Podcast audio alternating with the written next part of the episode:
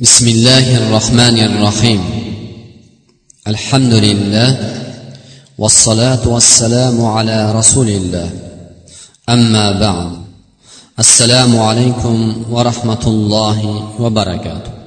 الله سبحانه وتعالى حمل رمز إيمان دا إسلام دا صابت قسم. قلب رمزنا الله إصلاح قسم. نيت رمزنا إصلاح قسم. Va qalblarimizni kufrdan shirkdan munofiqlikdan ma'siyatlardan alloh salomat saqlasin. Va alloh subhanava taolo hammalarimizni ushbu muborak oyda zulhijja oyida qilayotgan ibodatlarimizni qilayotgan solih amallarimizni alloh qabul qilsin. Va alloh subhanava taolo bu oyda hammalarimizga solih amallarni ko'paytirishiga alloh tavfiq bersin. Albatta birodarlar qilayotgan har bir solih amalimiz hatto og'zimizdan chiqayotgan bitta tasbeh subhanalloh tasbeh aytishlik ham birodarlar bu alloh tomonidan tavfiqdir. Bandasi hech qachon mana shu bir og'iz bir kalima subhanalloh degan tasbehga aytishlikka qodir ham bo'lmaydi agar alloh tavfiq bermasa. Chunki hayotimizda juda ko'p gaplarni gapiramiz tilimiz bilan. Juda ko'p so'zlarni so'zlaymiz.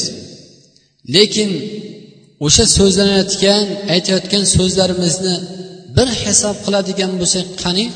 Qanchasi ollohni zikri bilan allohniga tasbeh aytishlik bilan yoki allohga hamd aytishlik bilan allohga takbir aytishlik bilan mashg'ul bo'lyapti. Demak birodarlar bu solih amallar ha man ham qila olaman bu narsani ha bizga nima bo'pti bu? degan emas birodarlar. Bu bilan qilolmaymiz har qancha harakat qilsak hamki agar alloh tavfiq bermasa shuning uchun hammalarimizga eng avvalo o'zlarimizga ham va ahillarimizga ham zurriyotlarimizga ham yoru birodarlarimizga ham solih amallarga alloh tavfiq bersin. Demak birodarlar sizu biz turgan bu oy zulhijja oyi.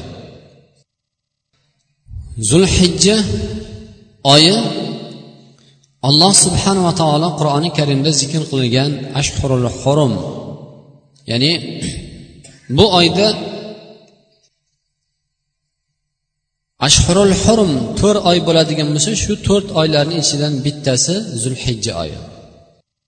Bu oyda ehrom bog'lagan allohni uyiga uyini qasd qilgan bandalar uchun gunohlardan fisq hujurlardan ma'siyatlar harom qilingan. oy hisoblanadi ular uchun va xuddi shuningdek bu yoqda sizu bizga o'xshagan insonlar uchun ham bu oyni fazli nihoyatda ulug'dir bu haqida imom buxoriy rahmatulloh alayh abdulloh ibn abbos roziyallohu anhudan rivoyat aytadilarki قال قال رسول الله صلى الله عليه وسلم ما من أيام العمل الصالح فيها أحب إلى الله من هذه الأيام. يعني أيام العشر. قالوا يا رسول الله والجهاد في سبيل الله؟ قال ولا الجهاد في سبيل الله. إلا رجل خرج بنفسه وماله فلم يرجع من ذلك بشيء. رواه البخاري. Rasululloh sollallohu alayhi vasallam marhamat qilib aytdilarki dedilar bironta bir solih amal yo'qki qilingan solih amal yo'qki olloh uchun mahbub suyukli bo'lgan amallar bu kunchalik bu kunda qilinayotgan amallarchalik dedilar.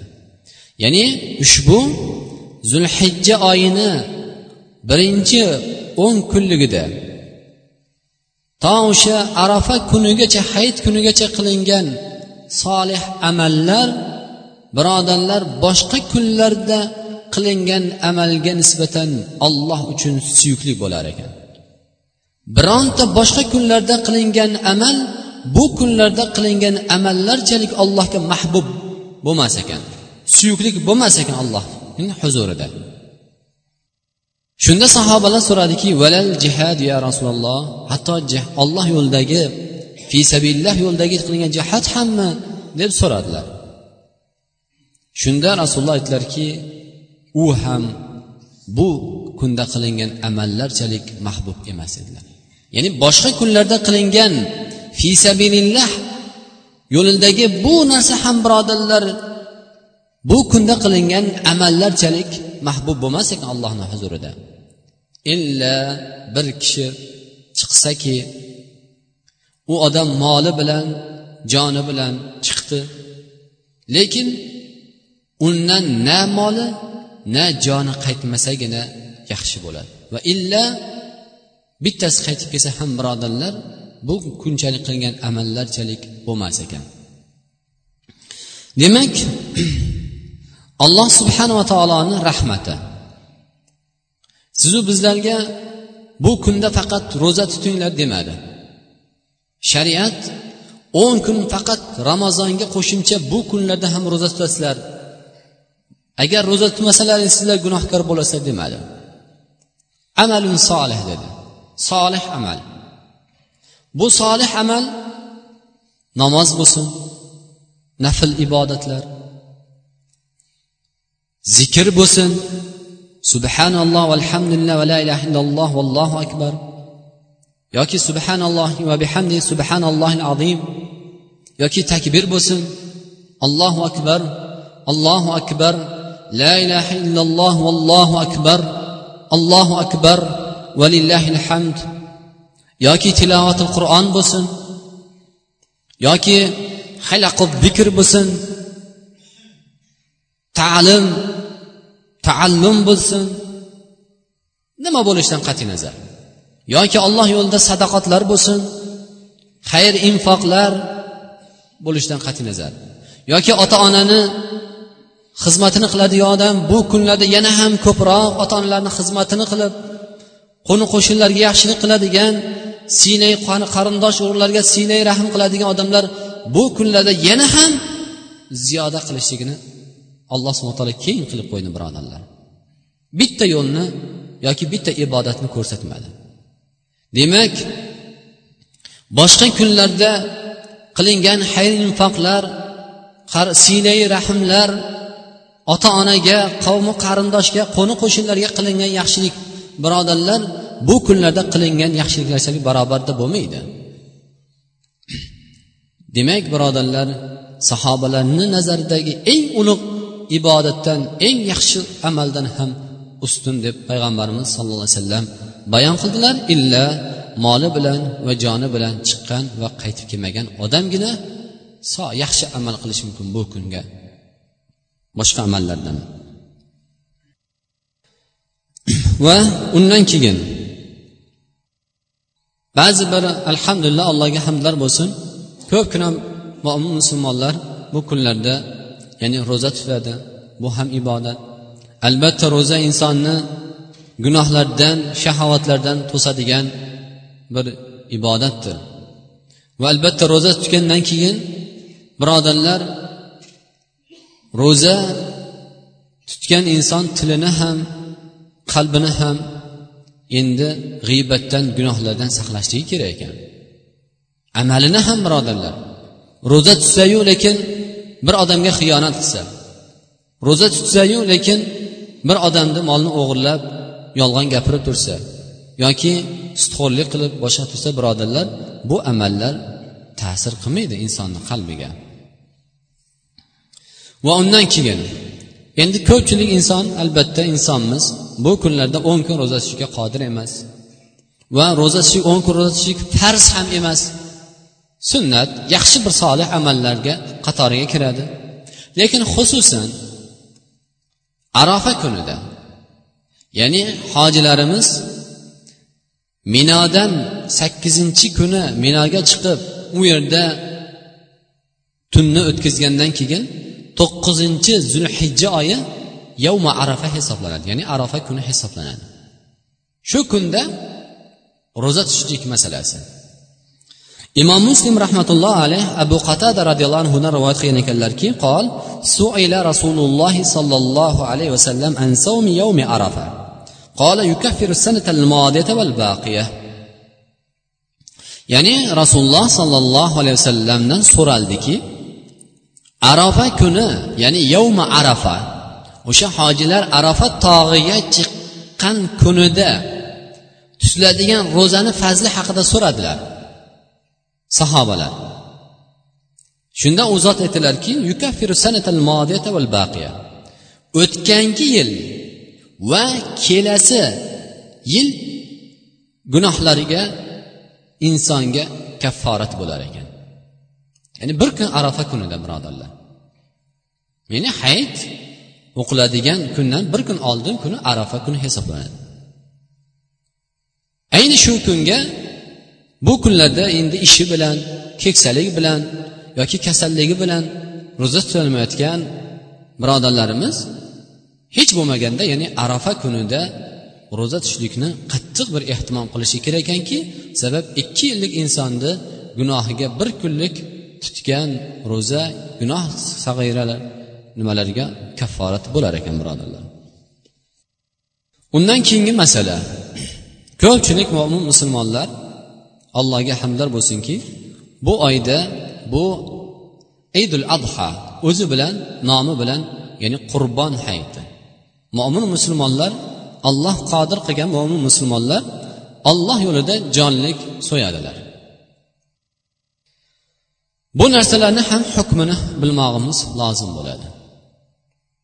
Va albatta qaysi bir inson masalan bir inson savdo qilmoqchi bo'lsa tijorat bilan shug'ullanmoqchi bo'lsa tijorat ilmini bilishlik unga farz bo'ladi. Va yana bir odam haj qilmoqchi. Alloh qodir qildi muyassar qildi haj qilmoqchi. Demak haj ilmini yaxshi bilmog'i bu odamga farz ayn bo'ladi. Ya'ni uni hajni hukmlari farz vojiblarini va ehromni man qilgan amallarni mahzuratil ehromlarni bilmog'i birodarlar farz ayin bo'ladi. Unga boshqa birovni bo'yniga yuklatilmaydi bu narsa. Demak xuddi shuningdek sizu bizlar ham bu kunlarda mana zulhijja oyi muborak bir kunlarda turibmiz. Qilayotgan har bir solih amalimiz hatto bir marta subhanalloh deyishligimiz ham birodarlar boshqa kunlardagi aytilgan subhanallohni barobar emas allohni huzurida. Demak qurbonlik qilishlik. Alloh subhanava taolo qur'oni karimda inna a'udu billahi minash shaytonir rojim bismillahir rohmanir rohim inna a'toynakal kavsar fasolli robbika vanhar oyat bu ushbu surada ushbu oyatlarda olloh muhammad sollallohu alayhi vasallamga nima berdi? Ulug' mukofot. Qiyomat kunida kavsar suvida. U yerda alloh subhana taolo ulug' bir bu kavsar daryosini alloh subhana taolo payg'ambarimiz sallallohu alayhi vasallamga mukofot qilib berdi. Sizu biz ummatlariga ham u zotni ummatlariga ham o'sha zotni orqasidan ergashgan sunnatiga amal qilgan va muhabbat qo'ygan bandalariga ham alloh muyassar qilar ekan. Demak bu kavsarni tarixi haqida mavzuimiz vaqtimiz qisqa bo'lganligi uchun kifoya qilamiz. Albatta biz sizga kavsarni berdik. Ulug' juda katta bir mukofot alloh tomonidan berilgan mukofotdir. Buni evaziga nima? Fasollili robbik. Robbingizga namoz. Namozingizda xushu bilan xudu bilan ado qiling. Vanhar ba'zi ulamolar vanhar ushbu ya'ni oyat so'yilgan jonlik ham olloh uchun bo'lishligini. Qul inna solati va nusuki va mahyay va mamati lillahi robbil alamin. Ayting meni namozim meni so'ygan jonligim va meni hayotim meni o'limim hammasi allohnikidir. Lillahi robbil alamin. Demak har bir so'yilgan jonlik ham birodarlar olloh uchun so'yilishi kerak. Biron bir narsa qilib biror bir narsaga atab so'yilgan so'yindi birodarlar yeb bo'lmaydi. U kaannahu o'limtik hukmida bo'ladi. Agarchi uni bismillah allohu akbar deb so'yilsa ham. Shuning uchun udhiya qurbonlik qilishlik bu vojib. Abdulloh ibn umar roziyallohu anhudan so'ragan ekanlarki bir kishi hiya imom termiziy rivoyat qilgan hadisda ya'ni qurbonlik qilishlik vojibmi deb so'ragan ekanlar. Shunda u zot aytgan ekanlarki rasululloh sollallohu alayhi vasallam va musulmonlar qurbonlik qilardilar deb so'radilar. Haligi kishi yana so'radilar qurbonlik qilish vojibmi deb so'ragan ekanlar. Shunda aytgan ekan ata aql seni aqling ishlaydimi? Dohha rasululloh sollallohu alayhi vasallam va muslimun. Rasululloh sollallohu alayhi vasallam va musulmonlar ya'ni qurbonlik qilardilar deb aytgan ekanlar.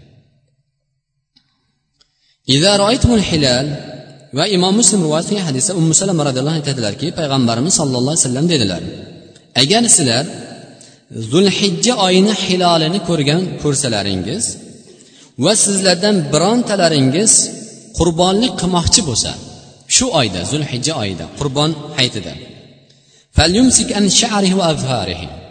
ya'ni sochlarini soch soqollarini va tirnoqlarini olmasinlar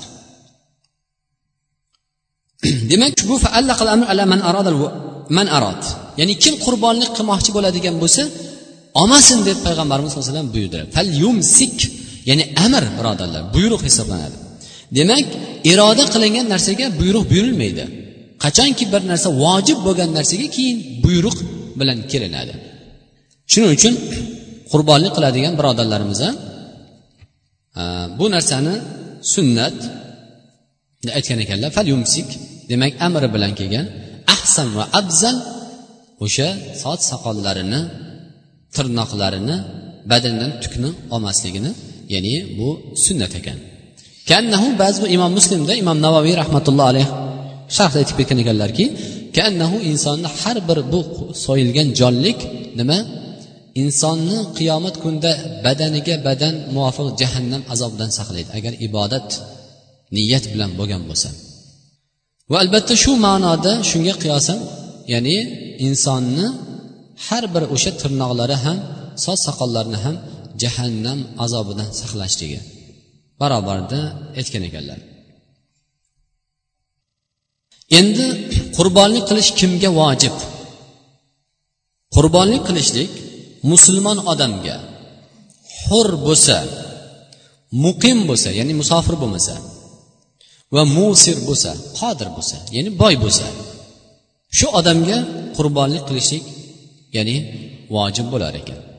Demak musulmon odamga hur odamga va muqim odamga va boy bo'lgan odamga demak ko'p yana savol keladiki bitta qo'y bitta xonadonni so'ysa bo'ladimi bo'lmaydimi deb. Ba'zi bir ulamolarimiz ko'pchilik ulamolarimiz aytgan ekanlarki ya'ni bitta bir xonadondan bitta qo'y so'yilsa o'sha xonadonga kifoya bo'ladi degan ekanlar joiz bo'ladi. Masalan bir xonadondan bitta qo'y so'yilib so'yilgan vaqtida o'zini va ahllari nomidan niyat qilishi kerak birodarlar. Palonchi palonchi nomidan qurbonlik emas shu qurbonlik palonchi nomidan va masalan shu qurbonlik men palonchi palonchi nomidan va ahli baytim ahllarim farzandlarim nomidan olloh sen uchun qurbonlik qilyapman degan niyatda bo'lishi kerak. Mana shunda butun ahli baytiga ya'ni o'sha xonadonga bir xonadonga kifoya bo'ladi deb ko'pchilik ulamolarimiz aytgan ekanlar. Va albatta qodir bo'lgan odam boy badavlat bo'lsa qodir bo'lsa o'ziga so'ysin ota onasi bo'lsa ota onalariga ikkitami uchtami yoki bitta masalan yetti kishiga joiz bo'ladigan kifoya bo'ladigan masalan tuyami molmi bir xonadondan so'yadigan musulmonlar ham bor. Ularga ham birodarlar ahsan va afzal qodir bo'lsa ya'ni har bittasiga bittadan so'ysa ham afzal bo'ladi.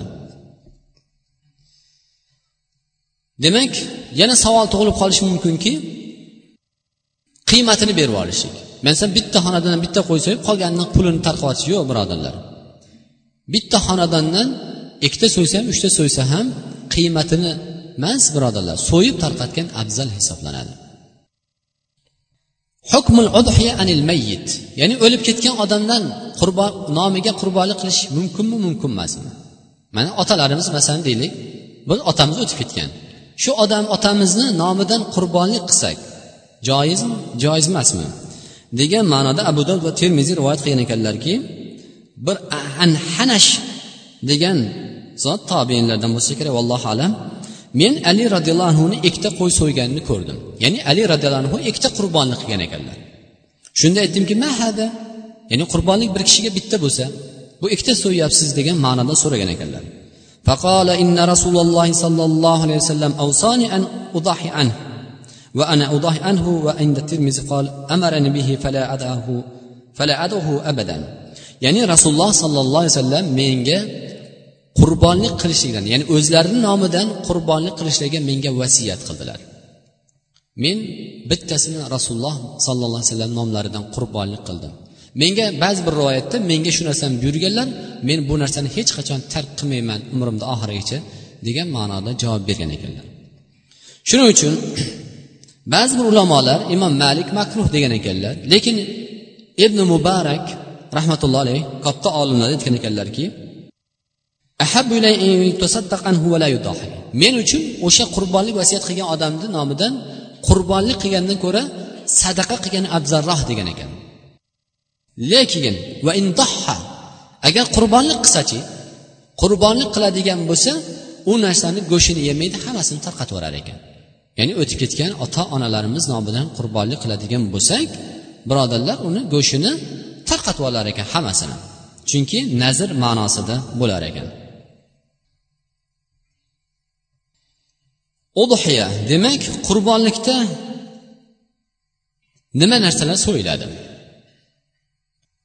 Qurbonlikda ya'ni olti oydan yoshi katta bo'lsa bir yashar qo'ylarni hajmini beradigan bo'lsa qo'y bo'laveradi.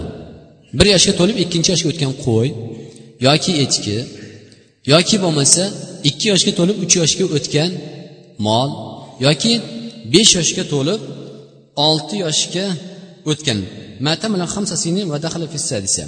Ya'ni besh yoshga to'lib olti yoshga o'tgan tuyani so'ysa bo'laveradi.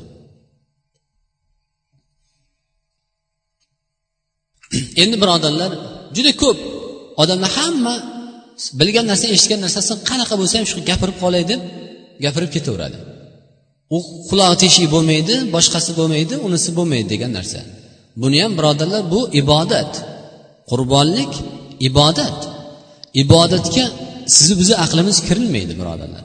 Shuning uchun so'yilayotgan jonlikni nima bo'lishligini ulamolarimizni bergan fikrlari va hadis qur'onga muvofiq bo'lishi kerak. Ana shunda ibodat bo'ladi. Demak shohi yo'q qo'y ham bo'laveradi. Shohi singan bo'lsa ham joiz ekan. Jinniga o'xshash qo'y. Bu ham bo'laveradi.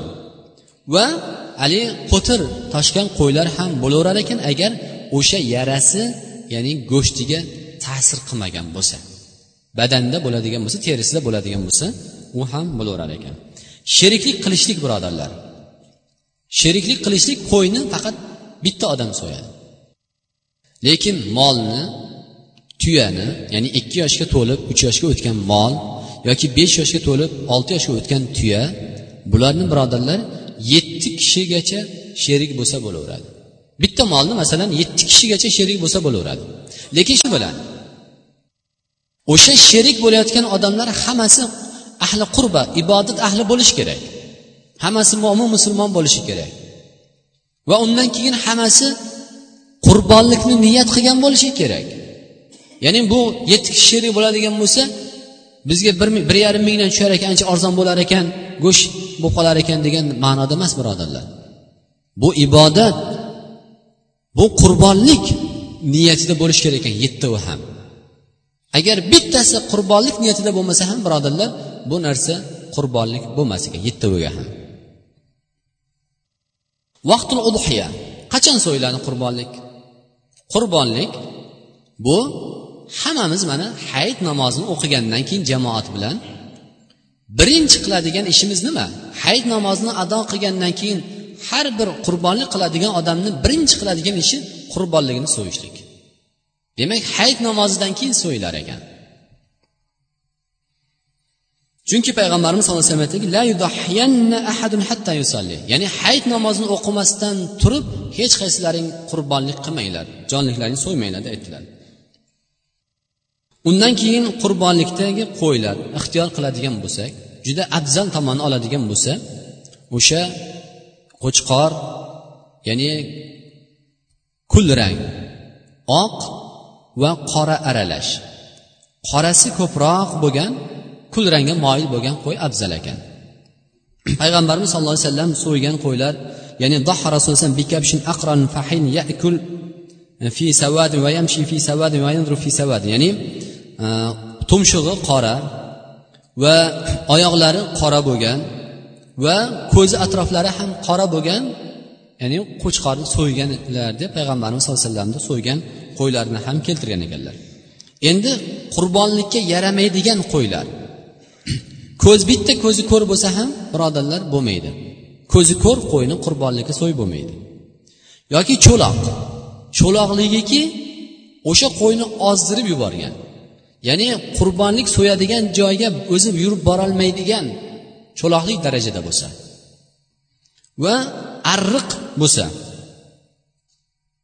va arriq qo'y ham bo'lmasa yoki kasal qo'y u ham qurbonlikka yaramaydigan qo'ylar. Endi qurbonlik qiladigan odam birodarlar agar qurbonlik qo'yni so'yishlikka qodir bo'ladigan biladigan odam bo'lsa afzal o'zi so'ysin. Afzal hech bo'lmaganda o'sha qassobga pichoqni o'zi tortib bersin. U yog'ini tozalashni bilmasa ham lekin o'sha qo'yni chap tomoni bilan yotqizib bismillah allohu akbar deb payg'ambarimizga allohumma solli ala salovat aytgandan keyin qiblaga qaratib duo qilib allohga iltijo qilib duo qilib qabul qilishligini niyat qilgan holatda duo qilgan holatda pichoqni o'zi tortib bersa afzal bo'ladi. Chunki bazzar va abul shayx fi kitabi dahaya an abi said roziyallohu anhu qol qola rasululloh sollallohu sollallohu alayhi vasallam payg'ambarimiz sallallohu alayhi vasallamni abu said hudriy rivoyat qilgan hadisda qizlariga aytdiki ya fotima ey fotima qizlariga qumi ila adhiyatiki fashhadiha. Tur dedilar. Qurbonligingni turib tepasida guvoh bo'lib turgin dedilar. Borib o'sha o'zing qilayotgan qurbonligingni tepasiga borib turgin.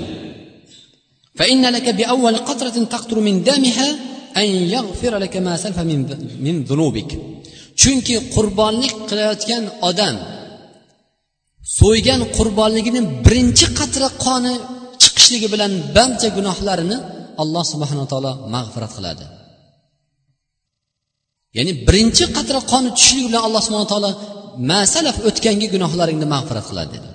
Shunda sahobalar ba'zi so'radiki qolat ya'ni fotima onamiz so'radilarki alana xosatun ya eh, ahli bayt bu faqat ahli baytga bizga xosmi yo rasululloh otalaridan so'rayaptilar. Yoki bizga va musulmonlarga ham xosmi bu fazilat?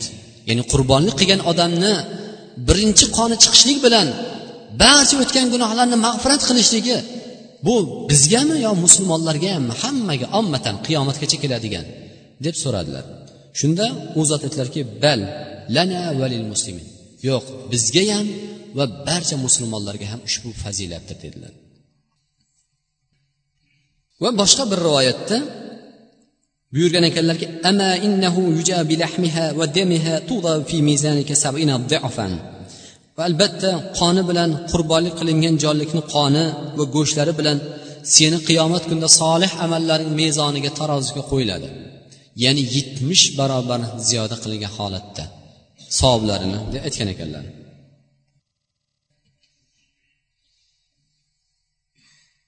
Demak tasmiya bismillah allohu akbar va allohimma solli ala muhammadni aytib va qiblaga qaratib chap tomonini yotqizib duo qilgan holatida keyin so'ylar ekan.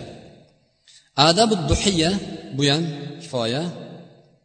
Va so'yilgan jonlikni nima qilishi kerak? Eng afzali uchga bo'lishligi hammasini yeyishi mumkin inson. Qurbonlik qilgan odam hammasini o'zi yeyishi mumkin. Yoki hammasini tarqatib yuborishi mumkin. Lekin afzali eng yaxshisi uchga bo'lishligi ya'ni uchdan birini yeyishligi o'zi ahllari bilan va uchdan birini hadya qilib tarqatib yuborishligi va uchdan birini sadaqa qilib yuborishligi. Ya'ni demak uchdan birini olib qo'yib ahl ayol farzandlari bilan yeyishligi va uchdan birini hadya qilib boymi kambag'almi yori birodarlarga qavmi qarindosh qo'shni qo'shnilarga tarqatishligi va uchdan birini sadaqa qilib taomlantirib ya'ni kambag'al faqirlarga taomlantirib yegizib yuborishligi. Eng afzal va ahsan. Demak birodarlar o'tgangi salaflar aytgan ekanlarki agar alloh subhanava taolo menda bitta amalimni qabul qilgan bo'lsa ham men uchun yetarli bo'lardi degan ekanlar. Nima uchun birodarlar bitta amalni qabul qilish degan. Bitta amalni birodarlar bu bir umr o'qiyotgan namozi yoki qilayotgan sadaqa solih amallari emas birodarlar. Bitta amalni olloh qabul qilarmikan deb umid qilgan. Sababi alloh subhana taolo alloh subhana taolo kimdan qabul qiladi? Amallarni muttaqinlardan qabul qiladi. Allohdan qo'rqqan. Va niyat xolis bo'lgan niyat xolis bo'lgan va qilayotgan ibodati xolis bo'lgan riyodan shirkdan xolis bo'lgan nifoqdan xolis bo'lgan ibodatni qabul qilar ekan birodarlar. Shuning uchun agar olloh mendan bitta amalni qabul qilganda edi men uchun yetarli bo'ladi deb umid qilgan ekanlar. Chunki alloh alloh subhana taolo muttaqillardan qabul qiladi. Albatta rasululloh sollallohu alayhi vasallam kunlardan bir kuni sahobalarni o'tirishgan edi kulishib. Shunda u zot chiqib aytdilarki لو تعلمون ما أعلم لضحكتم قليلا ولا بكيتم كثيرا. agar sizlar men bilgan narsani bilganlaringda edilaring sizlar kam kulib ko'p yig'lagan bo'lardilaring dedilar agar men bilgan narsani sizlar bilganlaringda edi kam kulib va ko'p yig'lardilaring deydi va rasululloh sollallohu alayhi vasallamni ashoblari sahobalar boshlarini egib yig'lashdilar. Ya'ni ulardan yig'i dovush kelishni boshladi. Ya'ni yig'lashni boshladilar. Sahobalarni bitta rasululloh sollallohu alayhi vasallamni bitta hadislari bir og'iz so'zlari birodarlar sahobalarni yig'latdilar. Nima uchun? Bizga ramazon oyida qur'onni boshidan oxirigacha eshitamiz qur'onni eshitamiz lekin ko'zimizga bir tomchi yosh kelmaydi. Nima uchun? Kalla ala qulubihim ma kanu birodarlar nima uchun qalb yig'lamaydi? Qalb nima uchun ezilmaydi? Qalb nima uchun ya'ni yumshamaydi?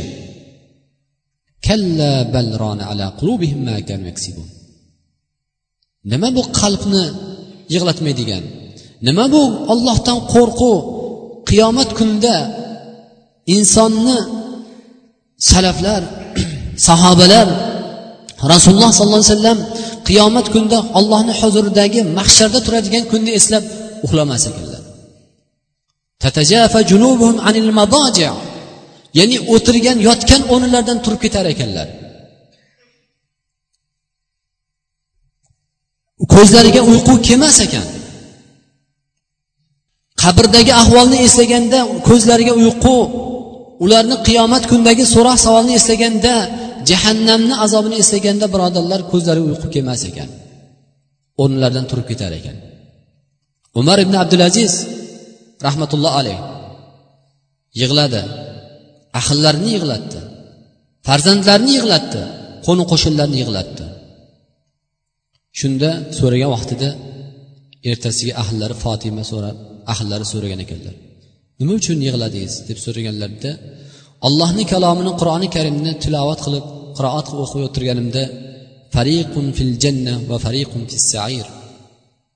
Mana bu guruhlar jannat ahllari mana bu guruh jahannam ahllari degan oyatni kelganda qaysidan ekanman deb bilmasdan yig'ladim. Qo'rqib yig'lagan ekan birodarlar. Sahobalarni rasululloh sollallohu alayhi vasallam bitta hadislar yig'latdi. Nima uchun biza bu yig'lar kelmaydi? Qur'on o'qiganda eshitganda rohatlanib tinglamaymiz. Chunki kalla bal rona ala qulubihim ya'ni ularni qilgan gunohlari gunohlar ma'siyatlar kalla bal rona qalbni bekitib tashladi deb alloh subhana taolo bayon qildi. Demak birodarlar gunohlardan pok bo'lishligi gunohlardan saqlanishligi bu insonni qalbini yumshashligiga ko'zlariga yosh kelishligiga va insonni qilgan ibodatida rohat lazzat topishligiga sabab bo'lar ekan birodarlar. Demak alloh subhana taolo ushbu kunda hammalarimizga gunohlarimizga istig'for aytishga tavfiq bersin. Alloh solih amallarni ko'p qilishiga hammalarimizni alloh muyassar qilsin. Alloh zulhijja oyida alloh bu ushbu muborak kunlarda hammalarimizga solih amallarni hamma solih amallarni qilishlikka alloh o'zimizga ham ahllarimizga ham farzandlarimizga alloh muvaffaq qilsin. Va sallallohu ala sayyidina nabiyina muhammad va ala alihi va ajmain. Parvardigoro bizlarni qalbimizni egasi o'zingsan parvardigoro o'zing xohlagan tomonga xohlagan bandangni qalbini burasan. Alloh bizlarni qalblarimizni o'zingga toatingga burgin. O'zing rozi bo'lgan yo'llarga o'zing ko'rsatgan yo'llarga alloh bizlarni qalblarimizni burgin. Alloh xususan ushbu kunlarda sen uchun mahbub bo'lgan solih amallarni bu jamoat bilan ahllarimiz bilan farzandlarimiz bilan yoru birodar mo'min musulmonlar hammalarimizni alloh solih amallarni ko'paytirish alloh bizlarga tavfiq bergin. Albatta tavfiqni faqat o'zing berasan. Va parvardigoro duo talabida musibat tushgan birodarimiz bor. Otalarni haqlariga duo so'rabdilar alloh musibatlarni ko'targin. Bemorlarimizga alloh shifo bergin. O'zlarimizga ham ahillarimizga ham farzandlarimizga hammalarimizga alloh bemorlarimiz bor. Shifoxonada yotgan bemorlarimizga ham alloh o'zing shifo bergin. Qarzdor birodarlarimizga alloh qarzlarni ado qilishga muyassar qilgin. Har bir qilayotgan kasblarimizga ziroat tijoratlarimizga choralarimizga alloh barakatlar ato qilgin. Alloh ushbu kunda bizlarni ro'zalar tutishlikka va xususan arafa kunida ro'za tutib solih amallarni ko'paytirishga alloh bizlarga muvaffaq qilgin. Alloh yurtimizni ham musibatlardan vatanimizni musibatlardan osmondan yerdan keladigan balolardan alloh o'zing saqlagin. Albatta sen bizlarni saqlaydigan bo'lsang seni ibodatni ko'paytirishga mo'min musulmon bandalaring harakat qiladi. ibodat qiladi parvardigora yurtimizni arzonchilik qilgin alloh serobchilik qilgin rahbarlarimizni ham xayrli shar'iy ishlarga alloh rivoj bergin alloh bizlarni o'rtamizda ixtilof fitnalarni ko'targin bir birlarimizga mehr muhabbatlik oqibatli qilgin اللهم إنا نسألك الهدى والتقى والعفاف والغنى اللهم اجعل خير أمرنا آخرة وخير عملنا خواتمة وخير أيامنا فيه يوم نلقاك. وصلى الله على سيدنا محمد برحمتك يا أرحم الراحمين.